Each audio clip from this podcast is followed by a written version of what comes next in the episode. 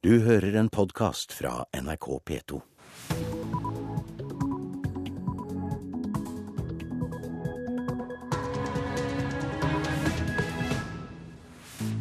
Riktig god morgen, fredag 6. juli i dag, og klokka er tre over sju. Vi skal i gang med dagens Nyhetsmorgen her i NRK P2 og Alltid nyheter.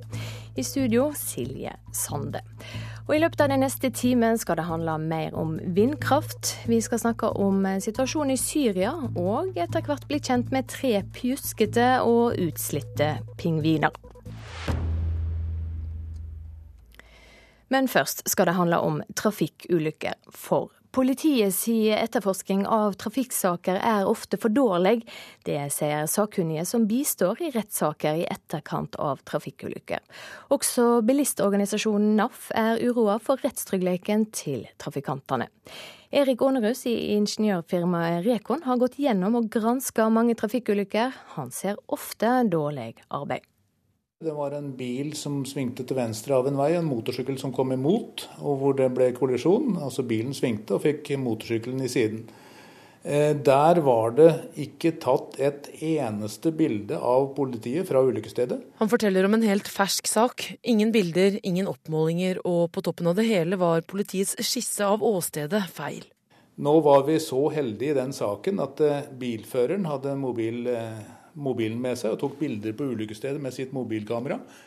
Eh, da fant vi at den motorsykkelen var plassert, eller sluttposisjonen på motorsykkelen var ikke overensstemmelse med politiskissa, den lå i det andre kjørefeltet. Og det er slike eksempler Erik Aanerud i ingeniørfirmaet Rekon syns han ser litt for ofte i sakene de blir bedt om å utrede.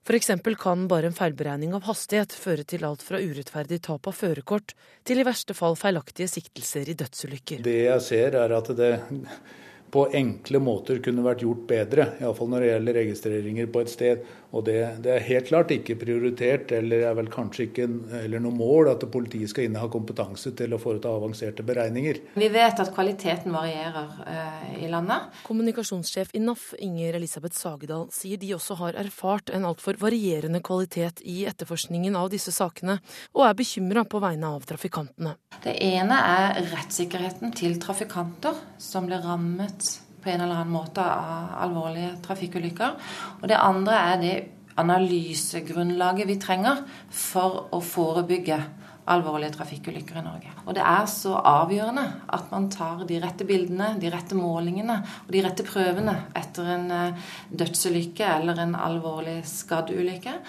At eh, det er all grunn til å tro at ikke kvaliteten er god nok overalt. Og det har vi også erfart. Riksadvokaten, som er øverste ansvarlig for etterforskningen av sakene, svarer i en e-post at de ikke deler dette totalinntrykket, men at kvaliteten selvsagt kan variere. Erik Aanerud i Rekon jobber for både politi og motpart som sakkyndig i rettssaker. Han tror mange feil kunne vært unngått. Jeg tror at mange polititjenestemenn ikke er klar over hva det er mulig å finne ut og beregne på hvis man har gode registreringer. Hvorfor eh, tror du at det ikke dokumenteres bedre? Nei, det vet jeg ikke. Det er vel kanskje at man ikke har kamera for hånden. Så, enkelt kan det være.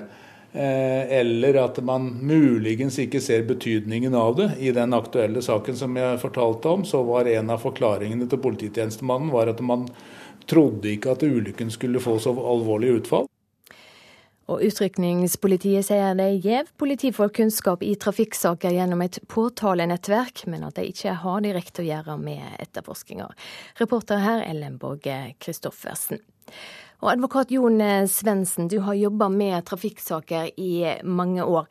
Hva er ditt inntrykk av det etterforskningsarbeidet politiet gjør? Jeg må dessverre bekrefte det som Erik Aanerud fra Rekon nå nettopp snakket om. Det er dessverre altfor ofte svikt i den etterforskningen i de sakene som kommer til retten. Hva fører det til?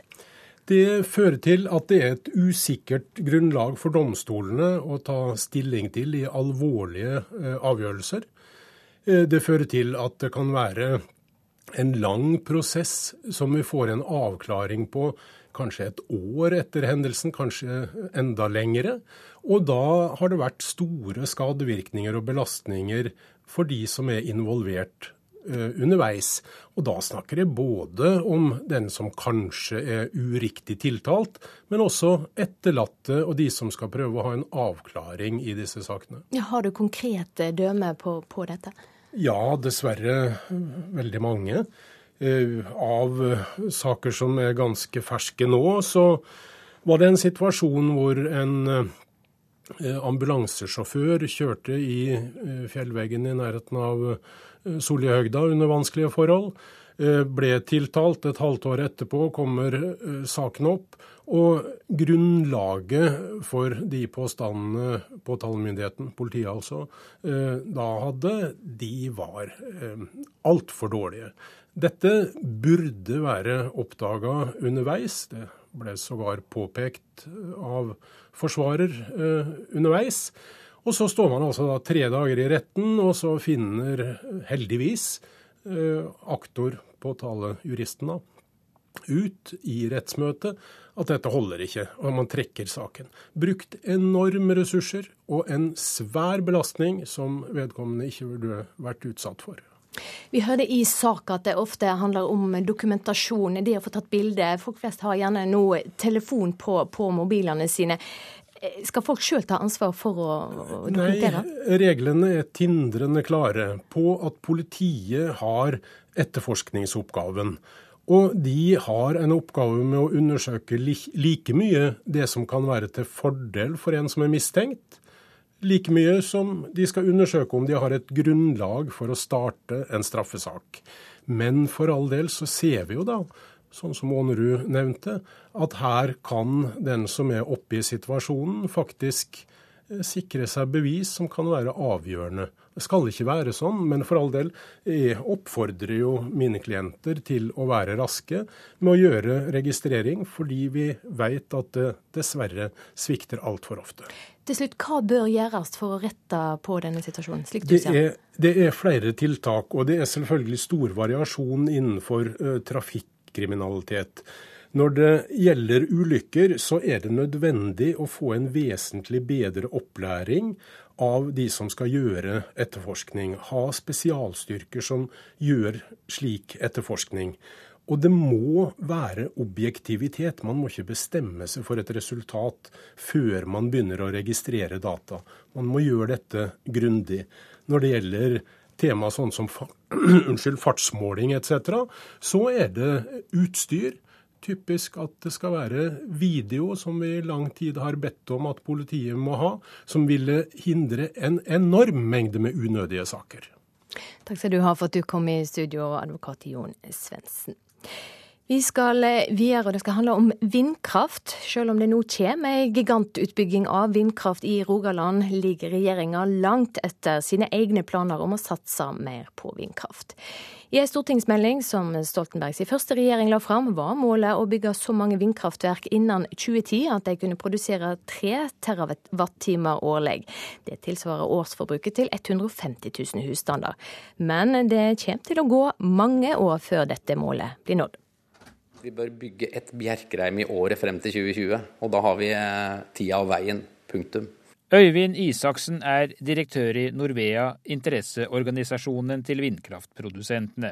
Han sier vi står overfor store utbyggingsoppgaver for å klare målsettingen, og at det er en krevende prosess. Nei, det har tatt veldig lang tid, men vi er jo også nybegynnere på dette i Norge. Men eh, dette viser seg at det er veldig krevende.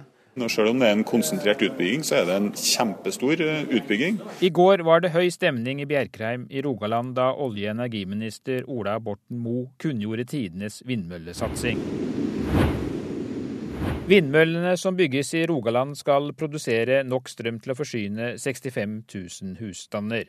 Første nestleder i Venstre, Terje Breivik, sier det er grunn til å gratulere med at vi får til et så stort fornybarprosjekt men han er ikke imponert over tempoet i utbyggingen. Nei, dessverre så har jo eh, vi hatt i, i regjering nå de siste sju årene som har til dels vist helt handlingslammelse hva gjelder satsing på fornybar klima, klimaproblematikken. Eh, men velger du å se på dette som starten på en, på en ny æra, så er det grunn til å være optimistisk, ikke minst sammen med med at nå er det inngått avtaler om å få på plass kabler til, til både Tyskland og Storbritannia, som òg er veldig viktig for at norsk fornybar energi skal, skal være et alternativ til fossil energi i, i Europa.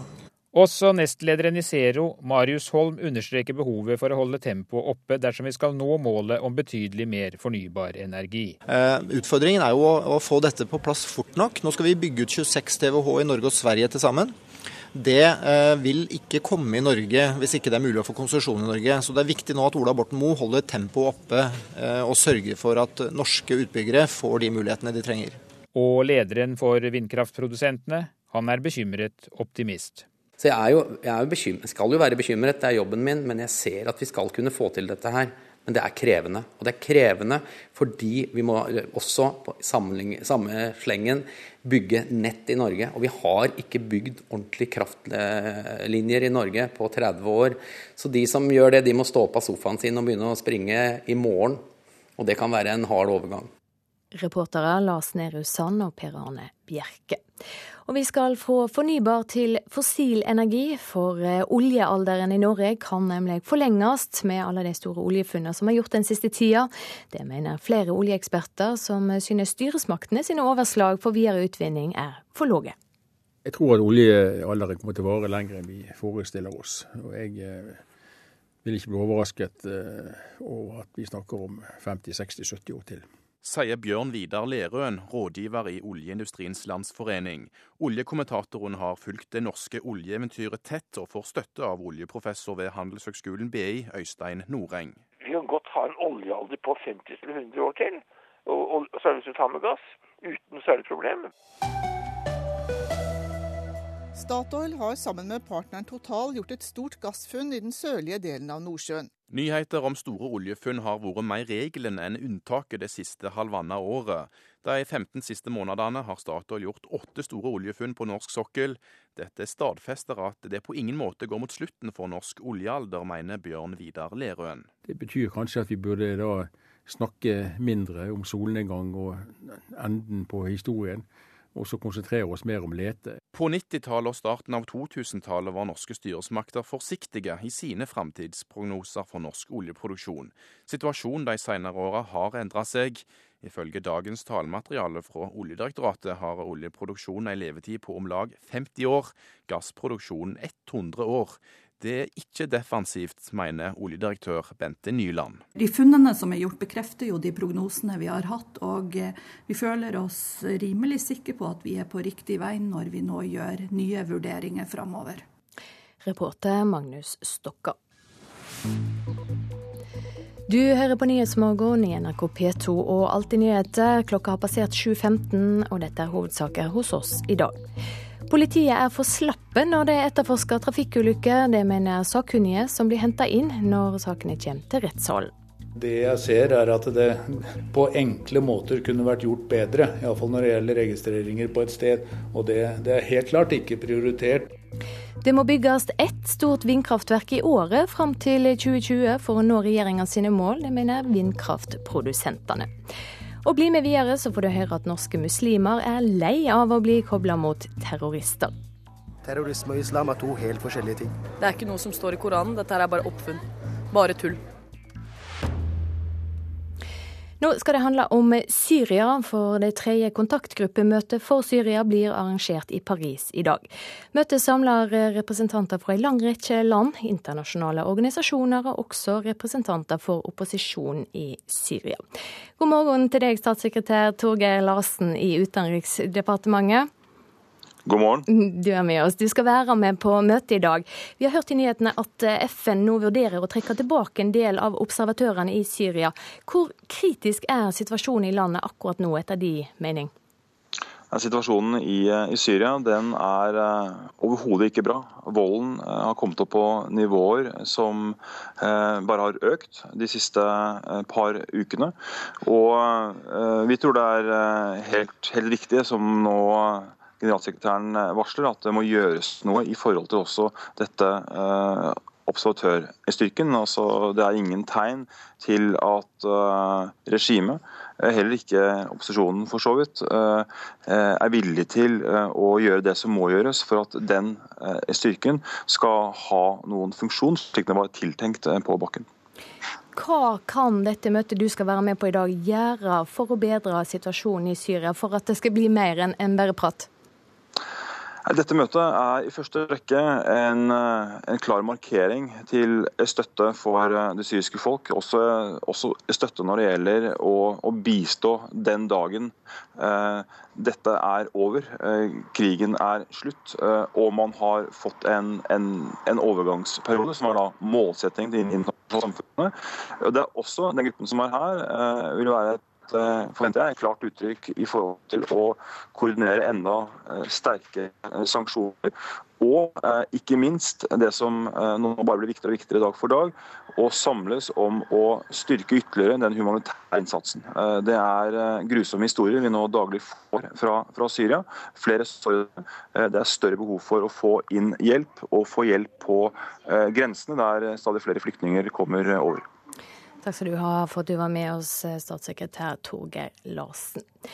Og Vi skal videre til USA. Der fikk den republikanske presidentkandidaten Mitt Romney inn over 100 millioner dollar forrige måned til å drive valgkamp for. Beløpet er det høyeste hittil i valgkampen. Det er fire måneder igjen til valget, og så godt som dødt løp mellom de to som kjemper om jobben i Det hvite hus. President Barack Obama ligger tre prosentpoeng foran utfordreren Mitt Romney. I ukevis har de nasjonale tallene vist det samme. Oppunder 50% for Obama og rundt 45% oppslutning for Romney. Men nå pumpes valgkamppenger inn på rivalens konto. Nettstedet Politico har fått tallene fra Mitt Romneys kampanje. I juni fikk den republikanske presidentkandidaten inn over 100 millioner dollar i valgkampbidrag. Ny rekord for partiet. President Barack Obama reiser også rundt og sanker inn penger nå, men hans kampanje har ennå ikke offentliggjort hvor mye Obama fikk i juni. Måneden kan komme til å bli den andre på rad hvor presidenten blir slått av Romney i pengeinnsamling. Beløpet fra juni er det høyeste så langt i denne valgkampen. Likevel ligger summen fortsatt et stykke bak Obamas rekord fra september året han ble valgt. Den gang samlet Obama inn 150 millioner dollar på en måned. Mitt Romney planlegger i slutten av juli en utenlandstur for å vise seg fram, akkurat som president Barack Obama gjorde høsten han ble valgt. Politico skriver at Romney skal til London under OL og holde en tale om utenrikspolitikk. Han skal også besøke Israel, Tyskland og Polen, ifølge nettstedets kilder. Anders Tvegård, Washington.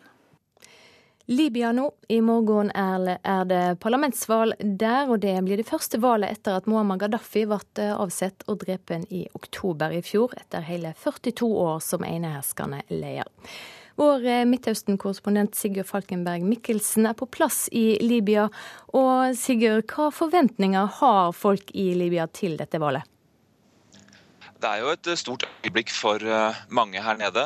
Det er jo dette de kjempet for da de styrtet Muammar Gaddafi fra makten. Og selv om mange har mistet en del illusjoner på veien, så er det i hvert fall det folk sier til meg at dette er viktig. For det er en mulighet til å kvitte seg med overgangsrådet som har styrt siden Gaddafis fall, og de har rukket å bli uh, rimelig upopulære. og og en mulighet til å komme i gang med den nye prosessen eh, og danne et nytt Libya.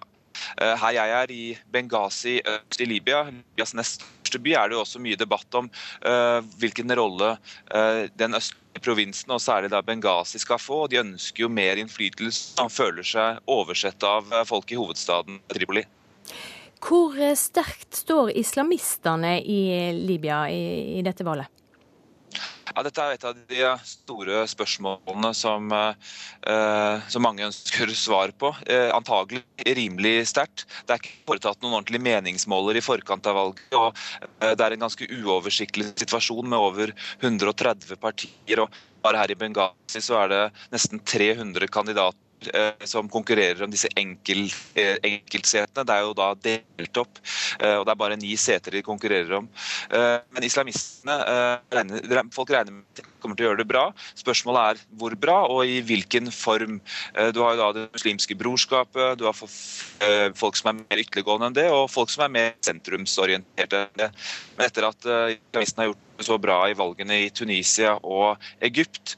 Libya ligger jo midt imellom. Eh, så, så, så er det et av de virkelig store spørsmålene foran morgendagens valg. Takk skal du ha, Sigurd Falkenberg Mikkelsen, og vi beklager at linja til Libya ikke var så god som den burde ha vært.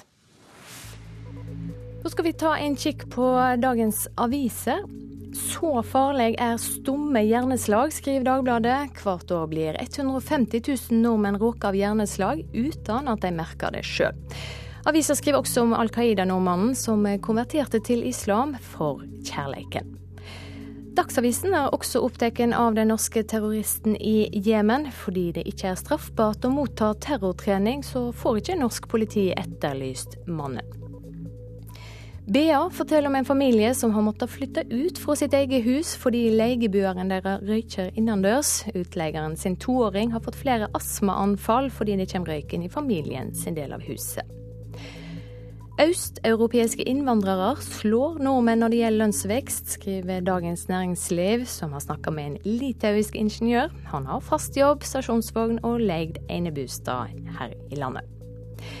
Og Aftenposten har snakka med kvinner som kjørte flere kilometer med en 13-åring hengende under bilen. Da det skjedde, merka hun det ikke, og da hun oppdaga det, takla hun det ikke. Stavanger, eh, Stavanger Aftenblad skriver at Statoil har kasta bort hundrevis av millioner på et mislykka dataprosjekt. Fem års arbeid har vært bortkasta. En eh, stor, slimete brunsnegle bukter seg framover VGs i framside i dag. Avisa har fasiten på hvordan du blir kvitt mordersneglen, som nå har invadert hele landet.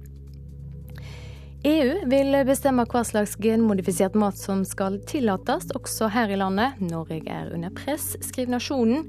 Det kan åpne for opptil 40 genmodifiserte produkt på den norske markedet.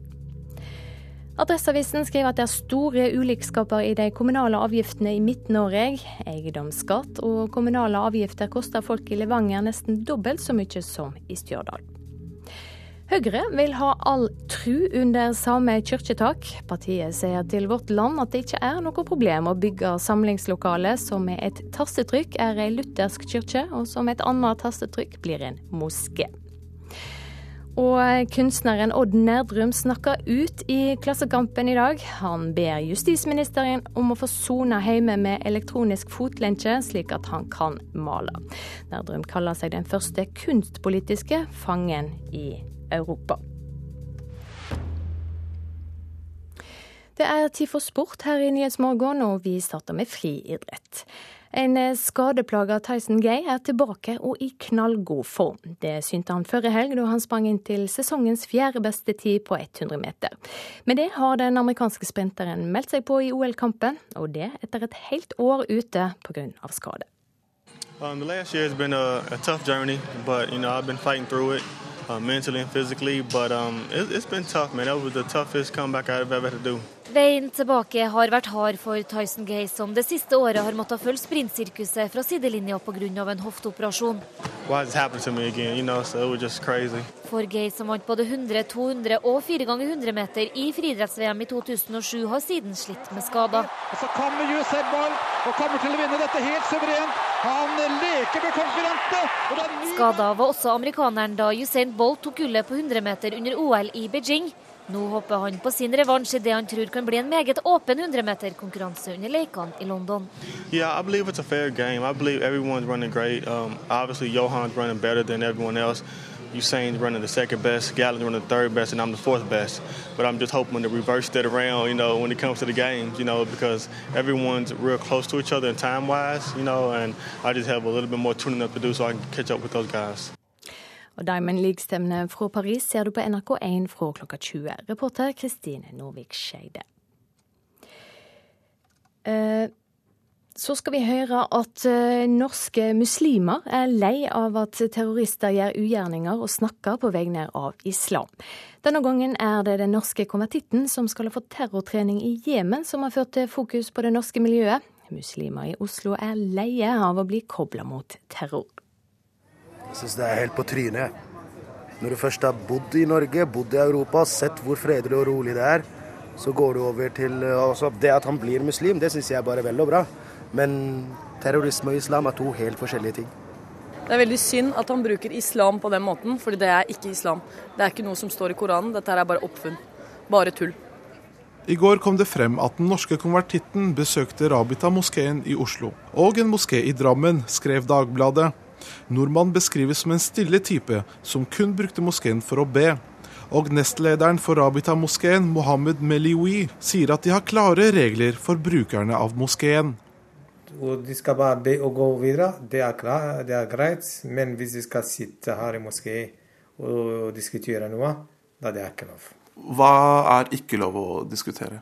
Eh, det er hvis man skal ha en planlagt møte, f.eks. At de skal sitte og planlegge noe eller diskutere noe, det er ikke lov. Meliwi forteller videre at for å forstå Korans innhold, så må man kunne det arabiske språket flytende. Og det kan være problematisk for konvertitter. Eh, det, er, det, kan, være en, det kan være kanskje vanskelig pga. språk. Derfor det er, eh, det er en viktig del for eh, å forstå Koran, f.eks. Det er å lære arabisk. Og det er hvis man klarer å kunne språk, da forstår godt både Koran og hva de forklarer i andre bøker. også. Lars Gule underviser i flerkulturell forståelse ved Høgskolen i Oslo og Akershus, og han sier at det ikke har vært muslimske terrorhandlinger i Norge, og derfor er det ingen grunn til å være redd. Eh, men det er klart at når vi får mediefokus på en nordmann eh, konvertert til islam, som eh, angivelig da skal ha uttrykt vilje til å begå terrorhandlinger, så blir folk urolige. Og for, hos noen blir denne frykten unødvendig og urimelig stor. Reporter var Fouad Asharki. Ecuador vil hedre den døde kjempeskilpadda ensomme George ved å sette han på den nasjonale kulturarvlista. George var den siste skilpadda i sitt slag og døde på Galapagosøyene forrige måned. Nå skal han stoppes ut og plasseres i nasjonalparken der. Nå står Kari Østavik klar på andre sida av studiobordet. Etter Dagsnytt skal det handle om pingviner her i Nyhetsmorgen. Du hører en podkast fra NRK P2.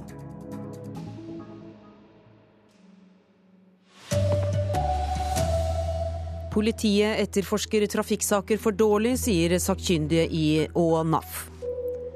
To ledere for militærdiktaturet i Argentina må i fengsel for bortføring av spedbarn. Og norske muslimer er lei av å bli koblet til terror. Her er NRK Dagsnytt, klokka er 7.30. Politiet etterforsker trafikksaker for dårlig. Det sier sakkyndige som bistår i rettssaker etter trafikkulykker. NAF bekrefter at de er kjent med flere saker der politiet har gjort feil. Erik Aanerud er ingeniør i firmaet Rekon, som har utredet mange trafikkulykker. Og han opplever ofte at det er gjort slett arbeid. Det var en bil som svingte til venstre av en vei, en motorsykkel som kom imot, og hvor det ble kollisjon. Altså bilen svingte og fikk motorsykkelen i siden. Der var det ikke tatt et eneste bilde av politiet fra ulykkesstedet. Ingen bilder eller oppmålinger var tatt av politiet. Også skissen av åstedet var feil. Nå var vi så heldige i den saken at eh, bilføreren hadde mobil, eh, mobilen med seg og tok bilder på ulykkesstedet med sitt mobilkamera. Eh, da fant vi at eh, den motorsykkelen var plassert, eh, eller sluttposisjonen på motorsykkelen var ikke i overensstemmelse med politiskissa, den lå i det andre kjørefeltet. Erik Aanerud i ingeniørfirmaet Rekon jobber som sakkyndig både for politi og motpart i trafikksaker. De ser eksempelvis at feil fra ulykkessteder kan føre til alt fra urettferdig tap av førerkort til i verste fall gale siktelser i dødsulykker. Det jeg ser er at det på enkle måter kunne vært gjort bedre. Iallfall når det gjelder registreringer på et sted. Og det, det, er helt klart ikke prioritert. Vi vet at kvaliteten varierer uh, i landet. Kommunikasjonssjef i NAF Inger Elisabeth Sagedal bekrefter at de kjenner til slike saker. At uh, det er all grunn til å tro at ikke kvaliteten er god nok overalt, og det har vi også erfart. Riksadvokaten, som er øverste ansvarlig for etterforskningen av trafikksakene, svarer i en e-post at de ikke deler dette totalinntrykket, men at kvaliteten selvsagt kan variere. NAF er bekymra på vegne av trafikantene. Det ene er rettssikkerheten til trafikanter. Og det andre er det analysegrunnlaget vi trenger for å forebygge alvorlige trafikkulykker i Norge. Reporter var Ellen Borge Christoffersen. Vi må sikre at alle må få rett til å jobbe til de er 75 år. Det mener Arbeiderpartiets Anette Trettebergstuen. Flere arbeidsgivere vil ikke at folk skal ha rett til å få beholde jobben så lenge. Likevel, Trettebergstuen vil gjøre økt aldersgrense til en viktig valgkampsak neste år. Jeg ønsker at folk skal kunne jobbe så lenge de ønsker og klarer. Eh, men jeg mener at den 70-årsgrensa er gammeldags og utdatert, at den burde heves til 75 år. Aps arbeidspolitiske talskvinne Anette Trettebergstuen vil la de eldre stå i jobb til de er 75. Problematisk, sa NHO og en rekke arbeidsgivere da saken var på høring i 2008. Heller ikke LO talte seniorenes sak. Personaldirektøren ved Universitetet i Agder, Gunn Marit Evensen, mener det handler om verdighet. Når man nærmer seg 70 år, så er det ofte eh, helsemessige konsekvenser av at man blir eldre. Eh, og, og, det at man som arbeidsgiver skulle på, måtte påpeke at man kanskje ikke er i stand til å yte, eh, at det, skal, at det veldig fort kunne bli en ubehagelig opplevelse, en belastning for den enkelte. Eh, så det har noe med å slutte med verdighet. Lars man ikke er i stand til å skjøtte jobben sin lenger, så er det en helt fair sak. Men ingen kan komme og presse en frisk, rask, arbeidsvillig 70-åring ut av arbeidslivet eh, med alder som argument. Reporter her var Lars Nehru Sand. I Argentina er to av lederne for militærdiktaturet på 70- og 80-tallet dømt til lange fengselsstraffer for bortføring av spedbarn. Minst 500 barn ble tatt fra foreldrene sine under militærdiktaturet. Señores, este juicio ha concluido. Esto es todo por parte de este tribunal. Que todos tengan Det var et historisk sus over det som skjedde i rettssalen i Argentinas hovedstad Buenos Aires i går ettermiddag. De to tidligere diktatorene George Videla og Rinaldo Bignone ble dømt til lange fengselsstraffer for at de under den perioden de satt ved makten, fra 1976 til 1983, var ansvarlig for at minst 500 spedbarn ble tatt fra sine mødre og adoptert bort, ofte til medlemmer av offiserskorpset. Jorge Rafael Videla. George Videla, som nå har blitt 86 år, er selve symbolet på det brutale militærdiktaturet i Argentina, der minst 30 000 mennesker forsvant.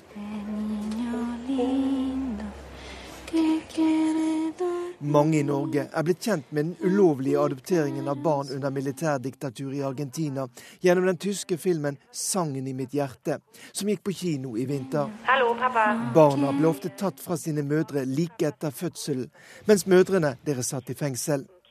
Mange ser på gårsdagens dom som et endelig oppgjør med en tid argentinerne helst ønsker å legge bak seg. Det sa reporter Morten Jentoft.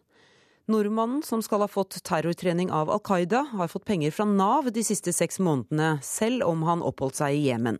Ingenting tyder på at han har meldt fra til Nav om utenlandsoppholdet, skriver Dagbladet. Og terror er ikke islam, sier norske muslimer. Den norske konvertitten som skal ha fått eh, terrortrening i Jemen, skaper hodebry. Jeg syns det er helt på trynet. Når du først har bodd i Norge, bodd i Europa, sett hvor fredelig og rolig det er, så går du over til altså Det at han blir muslim, det syns jeg er bare vel og bra. Men terrorisme og islam er to helt forskjellige ting. Det er veldig synd at han bruker islam på den måten, fordi det er ikke islam. Det er ikke noe som står i Koranen, dette er bare oppfunn. Bare tull. I går kom det frem at den norske konvertitten besøkte Rabita-moskeen i Oslo. Og en moské i Drammen, skrev Dagbladet. Nordmann beskrives som en stille type som kun brukte moskeen for å be. Det sa reporter Fouad Asharki. Justisminister Grete Faremo åpner for mer skjønn i familiegjenforeningssaker, skriver VG. For å få ektefellen sin hit til landet må den som bor i Norge dokumentere en viss inntekt. Dette har gjort at mange par ikke får bo sammen. Nå sier Faremo at det kan gjøres unntak for inntektskravet i saker der regelverket slår urimelig ut. Regjeringen ligger langt etter tidligere planer om å satse mer på vindkraft, til tross for vedtaket om gigantutbyggingen i Rogaland. Det vil gå mange år før målene blir nådd, mener miljøorganisasjoner og vindkraftprodusentene. Vi bør bygge et bjerkreim i året frem til 2020, og da har vi eh, tida og veien. Punktum. Øyvind Isaksen er direktør i Norvea, interesseorganisasjonen til vindkraftprodusentene. Han sier vi står overfor store utbyggingsoppgaver for å klare målsettingen. og at det er en krevende prosess. Nei, det har tatt veldig lang tid, men vi er jo også nybegynnere på dette i Norge. Men eh, dette viser seg at det er veldig krevende. I går var det høy stemning i Bjerkreim i Rogaland da olje- og energiminister Ola Borten Moe kunngjorde tidenes vindmøllesatsing. Vindmøllene som bygges i Rogaland skal produsere nok strøm til å forsyne 65 000 husstander.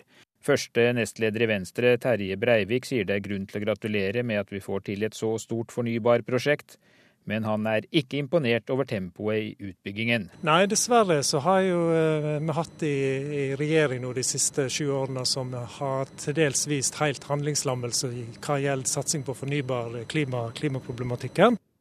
Reportere var Lars Nehru Sand og Per Arne Bjerke. Partene i streiken på norsk sokkel har ingen planlagte møter de neste dagene. Det til tross for at olje- og gassproduksjonen på norsk sokkel kan bli stanset fra tirsdag. Et lys fra et helikopter kan skimtes i morgendisen ved en oljeplattform i Nordsjøen. Her hentes oljemilliardene våre opp, enn så lenge. For hvis ikke partene blir enige og ikke regjeringen griper inn, blir hele sokkelen stengt ned fra tirsdag. Partene snakket sammen mandag og onsdag, men hadde ikke kontakt i går, og har heller ingen planer om å møtes de neste dagene. Det sa reporter Haldor Asvald. Det ble en sur cupavslutning for Ålesund, som i går måtte se seg slått av førstedivisjonslaget Sandefjord. Det er stort å slå en antatt bedre motstander, sier Sandefjords Eirik Lamøy. Nei, Det føles jo eh, veldig godt, og, og det at man eh, slår tippeligalag eh, gjør det jo ekstra, ekstra godt.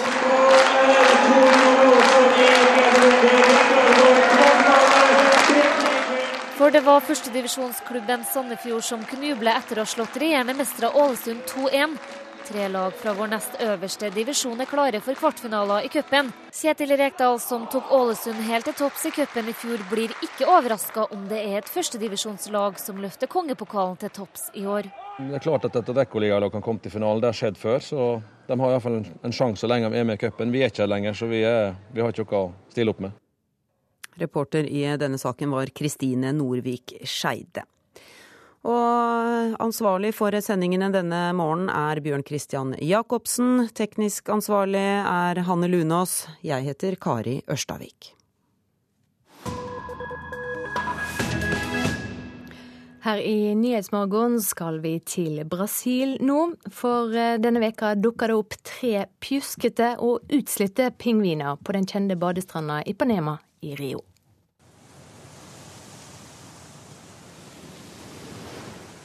I tillegg til is og kulde er bølger og vann pingvinenes rette element. I perioder kan de stå bom stille ned til 60 kuldegrader i Antarktis og ruge. Men når det er gjort, er de i vannet der de tilbringer så mye som 75% av sin tid. Der kan de oppnå en hastighet på 30 km i timen og gå mer enn 250 meter dypt. I det hele tatt, selv om pingvinen er en fugl, så oppfører den seg som fisken i vannet. Allikevel, selv om vannet er pingvinens rette element, så kan den bli desorientert og rote seg vekk i ny og ne. Som de tre forvirrede eksemplarene av Magian-typen som dukket opp i Rio de Janeiro forleden. Skuespiller Paola Castillo liker det hun ser. Det er ikke første gangen hun ser pingviner på Rios strender, men aldri har hun sett tre sammen, slik som nå. Mas não tantos. Tá muito bonito hoje vê-los aqui brincando. Rio de Janeiro, ved stenbukkens vennekrets på ca. 23 grader sør, tilhører ikke pingvinenes tradisjonelle hjemtrakter. Men nå, midtvinters på de kanter, kan vind og kalde havstrømmer føre til at noen av dem kommer på avveie i det sørlige Atlanterhav. På den andre siden av Sør-Amerika, i Stillehavet, gir Humboldt-strømmen et helt annet kystklima.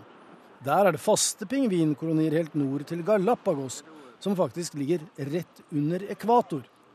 Men uansett så hører pingvinene hjemme på den sørlige halvkule. Det er der de holder til, det er der de formerer seg, og det er der de snakker sammen.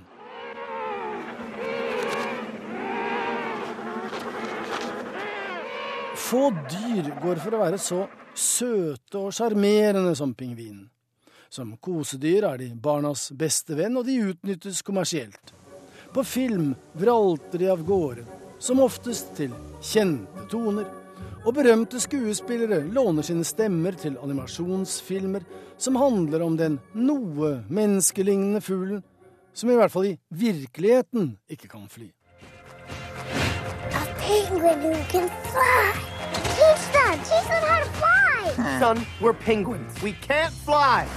Dokumentarfilmer som 'Pingvinenes marsj' og tegnefilmer som 'Happy Feet' har gjort det litt pussige dyret nærmest hjemmekjært.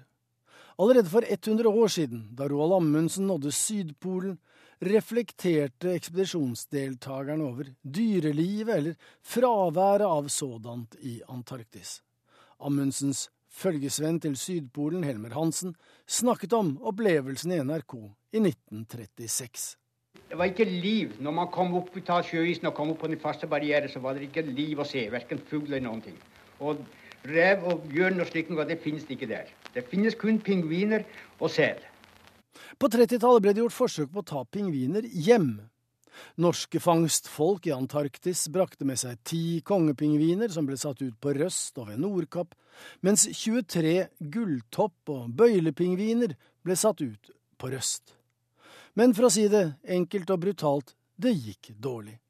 Så skal man se pingviner i Norge i dag, må man enten til Akvariebergen eller til Ikea. Alt etter behov. Det sa vår utenriksmedarbeider Joar Hoel Larsen. Klokka er straks 7.45. Dette er hovedsaker hos oss her i Nyhetsmorgen. Terror er ikke islam, sier norske muslimer som er leie av å bli kobla til terrorister. Politiet er for slappe når de etterforsker trafikkulykker. Det mener sakkunnige som blir henta inn når sakene kommer til rettssalen. Og I dag er det nytt kontaktgruppemøte for Syria. Samtidig vurderer FN å trekke tilbake en del av sine observatører i landet. Bli med videre i sendinga og hør hvordan geiter på Vestlandet er satt i arbeid for å redde utsikt og kulturlandskap. Arbeiderpartiet må sikre at alle som ønsker det, kan få jobbe fram til de fyller 75 år. Det mener stortingsrepresentant Anette Trettebergstuen. Arbeidsgiverne er mot forslaget om at folk skal få beholde jobben så lenge, og frykter at de blir tvinga til å sparke eldre arbeidstakere som ikke klarer å gjøre jobben sin. Trettebergstuen vil likevel gjøre økt aldersgrense til en viktig valgkampsak neste år. I framtidens Norge så kommer vi til å oppleve mangel på arbeidskraft. Det betyr at de som kan og ønsker å bidra, må gjøre det. Og de eldre er en kjemperessurs, og de må eh, få lov til å bidra også over 70 år. Aps Anette Trettebergstuen vil endre loven slik at de eldre kan stå lenger i jobb. Det er mitt kontor, og her ser jeg ut på de fakultetene som eh, som ligger på denne siden. Det er fem fakulteter. Så er vi på to campuser i Grimstad og her i Kristiansand. Universitetet i Agder utdanner unge som vil ha jobb, men er også en arbeidsplass for unge og eldre arbeidstagere. På kontoret sitt sitter personaldirektør Gunn Marit Evensen. Som arbeidsgiver vil hun ikke ha en lovendring. Vi ser at, at det kan bli vanskeligere tilfeller. Vanskelig for oss som arbeidsgiver, men ikke minst for arbeidstaker. Fordi enkelte arbeidstakere Ikke har alltid det samme selvbildet eh, som omgivelsene har, eh, i forhold til hva man kan yte, og hvordan man, eh, ja, hvordan man egentlig eh, er helsemessig. Dessverre er det sånn, men ikke for alle. UiA og flere arbeidsgivere var skeptisk til lovendring da dette var på høring i 2008. NHO var også kritiske. LO ønsket heller ikke enda eldre i arbeidslivet. Trettebergstuen vil likevel gjøre dette til en valgkampsak neste år. Jeg ønsker at folk skal kunne jobbe så lenge de ønsker og klarer. Eh, men jeg mener at den 70-årsgrensa er gammeldags og utdatert, at den burde heves til 75 år. Men hun vedgår samtidig at ikke alle over 70 egner seg i arbeidslivet. Ja, absolutt. Dette er veldig, hva skal arbeidsgiveren gjøre da? Dette er veldig individuelt. I de tilfellene så vil det jo være naturlig at man går av med pensjon, eh, og at man gjør det etter eget ønske. og ikke alle innser sine egne begrensninger, sier personaldirektøren. Når man nærmer seg 70 år, så er det ofte eh, helsemessige konsekvenser av at man blir eldre. Eh, og, og, det at man som arbeidsgiver skulle på, måtte påpeke at man kanskje ikke er i stand til å yte, eh, at det, skal, at det veldig fort kunne bli en ubehagelig opplevelse, en belastning for den enkelte. Dersom man ikke er i stand til å skjøtte jobben sin lenger, så er det en helt fair sak. Ingen skal tvinge noen til å gå av bare fordi at de har fylt 70 år. Dagens regelverk er godt nok. UiA engasjerer gjerne eldre forskere på oppdrag, svarer Evensen. Vi syns at vi kan leve veldig godt med å ha den 70-årsordningen, men at vi også har muligheter til å, å, individuelt eh, bli enige med enkelte som har både lyst og evne til å stå videre, så finnes det åpninger for det. Reporter Lars Nehru Sand.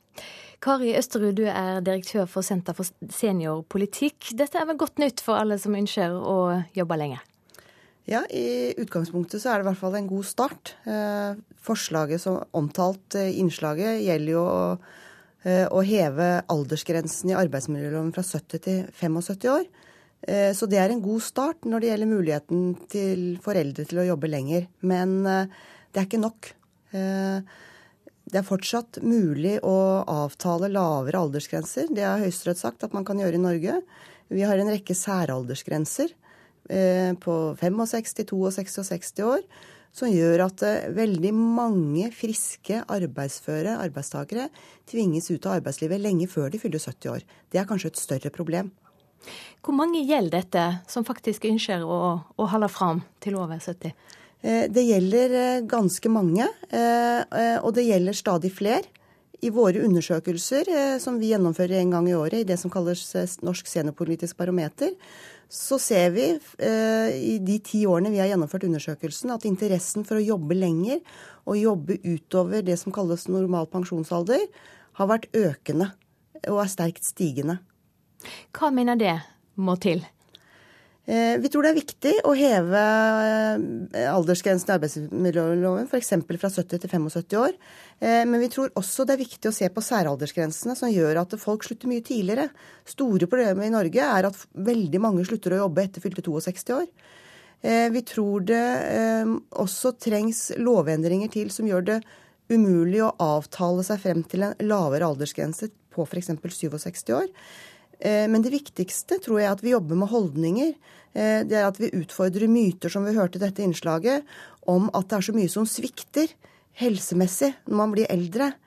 Dette er eh, dette har forandret seg veldig mye de siste årene. Altså Dagens 70-åringer er vel omtrent like spreke som 50-åringene var for 30 år siden.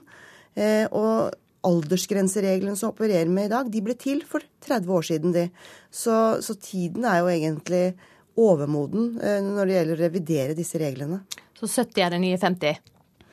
Ja, det kan vi godt si. Altså, jeg synes at Man kan godt 70 er det nye 70. Altså, Dagens 70-åringer er ikke som 70-åringer for 30 år siden. Men det går jo kanskje litt seinere. Forstår du ikke arbeidstakere som kvir seg for å ta den samtalen med, med eldre ansatte? Jeg har stor respekt for at det eh, at det kan være vanskelige samtaler for den enkelte arbeidsgiver. Men jeg tror også at vi graver oss litt ned i myter. Eh, fordi dette er snakk om de som vil, og de som kan. Det er jo ikke sånn at arbeidsmarkedet vil flomme over av elendige 75-åringer som tviholder på jobben sin. Eh, vi snakker om de som vil, og vi snakker om de som kan. Og når jeg sier kan, så eh, mener jeg at man må ha den kompetansen som arbeidsplassen trenger. Det betyr at man som 70-åring har plikt til å holde seg faglig oppdatert. Det betyr at du som arbeidsgiver må gi de eldre arbeidstakerne muligheten til å holde seg faglig oppdatert. Takk skal du ha for at du kom i studio, Kari Østerud. Politiets tryggingstjeneste har bare lov til å lagre tips om folk i fire måneder. Det er for kort tid, mener PST-leder i Hordaland, Øyvind Tenål. Når nye tips kommer inn, kan ikke PST gå tilbake til tidligere tips og danne seg et samla bilde. Det sier han til Bergens Tidende. Bakgrunnen for disse reglene er at Lund-kommisjonen mente at det tidligere politiets overvåkingstjeneste registrerte ulovlig mye. Justisminister Grete Faremo åpner for mer skjønn i familiegjenforeningssaker. Det skriver VG-nett i dag. For å få ektefellen sin hit til landet må den som bor i Norge dokumentere en viss inntekt. Dette har gjort at mange par ikke får bo sammen.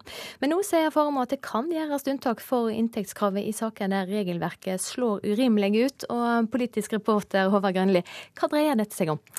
Ja, Det er det som blir kalla underholdskravet, som skal bli endra litt. Det er slik i dag at dersom du ønsker å få eh, en utenlandsk ektefelle hit til landet, så må eh, den da som bor her i landet fra før, dokumentere ei viss inntekt. Og Det er fordi at familiene skal klare seg økonomisk sjøl, og at det da ikke skal bli nødsynt for staten å gi økonomisk støtte eh, når staten innvilger familiegjenforening. Og dette kravet det kom i 2010, og da kan en for så vidt si at det har virka. For eh, ifølge VG-nett, som skriver om dette i dag, så førte innstrammingene til at det bare ble innvilga halvparten så mange familiegjenforeninger i 2010 som året før. Men så har det da også vært en del historier om at dette gir urimelige utslag, om at reglene har vært rigide, om at det har råka folk med felles barn, at det kan eh, ha vært urimelig for eh, folk som er syke, eller folk som har varierende inntekt. Og et annet mønster er også at det er vanskeligere for kvinner å hente ektefellen sin hit enn det er for menn.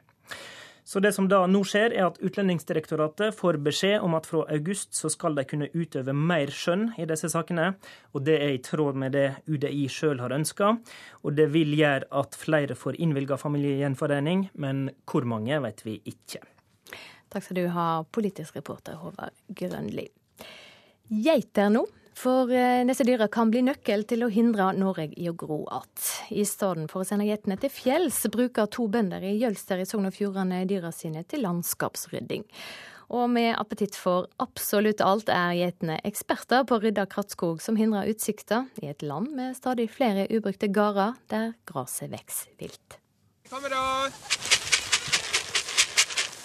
Det er selvfølgelig må geitene våre ha et beite å gå på. Og når de i tillegg kan eh, Eh, beite ned nedlagte gardsbruk og, og, rydde skog og kratt, og, og, og, at det kan se litt bra ut rundt om, så er det et eh, ekstra pluss. Ragnvald og Hilde Søgnesand har 130 små nyfikne geitekjer. De har spredd utover fire områder ved Jølstravatnet. Geitekjeda har gjemt seg mellom høyt gras, men de dukker raskt opp når geitebonden rister litt med kraftfôret. Etter bare tre uker i de bratte bakkene ved veien har mye av gresset blitt geitemat. Og Hilde Søgnesand sier at det er bare starten. Bruker å se eh, ganske snøgga ut til høsten ja, når vi setter det inn. Jeg syns det er jo uh, mye kjekkere å se på et uh, stelt gardsbruk enn da det bare vokser. Og... Så det er ikke noe hyggelig å være turist, blant annet. Nestleder i Norges Bondelag, Brita Skallerud, er enig med Ragnvald Søgnesand når han sier at rydding da er viktig. Alle ønsker at det skal være et åpent landskap, og at man faktisk skal se at det har bodd mennesker der i kanskje årtusen. Men med færre aktive gårder i landet blir det òg færre geiter som kan rydde. Siden 2007 har tallet på mjølkegeiter gått ned med 25% i Sogn og Fjordane, og 17% på landsbasis.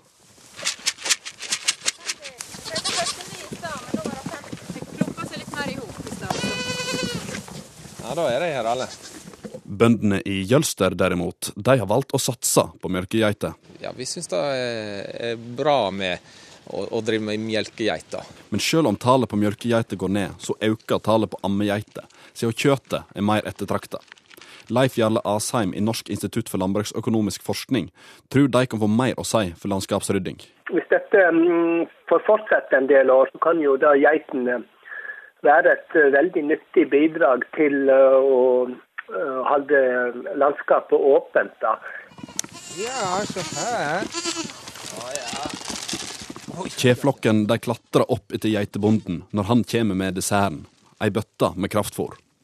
Ragnvald Søgnesand har erfart at geitene har en voldsom appetitt på alt fra gras til strømkabler. Vi hadde eh, en installasjon i fjøsen som, eh, med en elektrisk kabel opp. Og den hadde vi da eh, lagt utapå et eh, tjukt, hard plastrør. Eh, men det gikk altså bare noen få uker. Så hadde de gneget hull på det harde plastikken. I tillegg til å gnege av eh, kabelen. Det var sånn ganske tjukk kabel med, med seks ledere inni. Og det gneg av alt sammen. I bakkene ved Jølstravatnet er det ikke mange strømkabler, men mye kratt som etter kort vil havne i geitemager.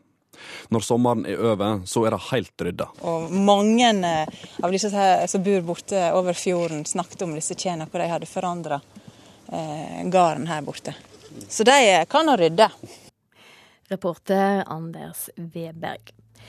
Vi skal ha et eh, værvarsel. Fjellet i Sør-Norge får i ettermiddag utrygt for regnbyger lengst nord, ellers opphold og perioder med sol. Østlandet og Telemark spredde ettermiddagsbyger i indre strøk, ellers opphold og perioder med sol. I kveld etter hvert regn på kysten. Agder får spredde ettermiddagsbyger i indre strøk, ellers opphold og perioder med sol. I kveld etter hvert regn på kysten.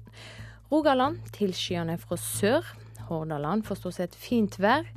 Sogn og Fjordane i ettermiddag nordlig liten kuling på kysten. I kveld nordøst stiv kuling ved Stad. Utrygt for ettermiddagsbyger med torevær i indre strøk, ellers opphold. Møre og Romsdal fra i ettermiddag nordøst opp i stiv kuling på kysten. Uttrykk for ettermiddagsbyger med torevær i indre strøk, ellers opphold. Trøndelag fra i ettermiddag nordøst opp i stiv kuling på kysten. Fra utpå dagen regn, mest i indre strøk. Lokalt torevær.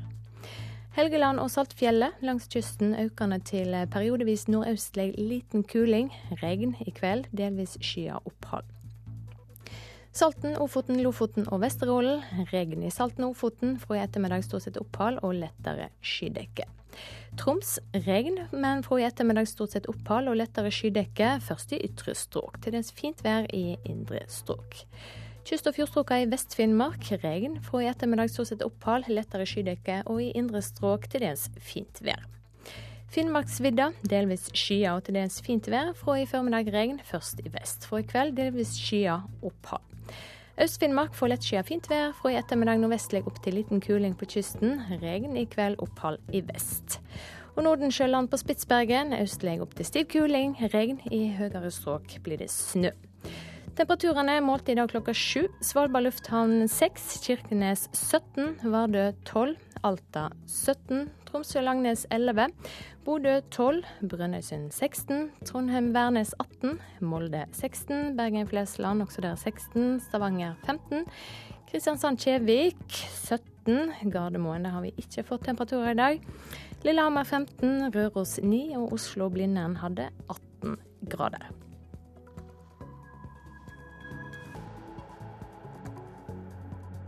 Du har hørt en podkast fra NRK P2.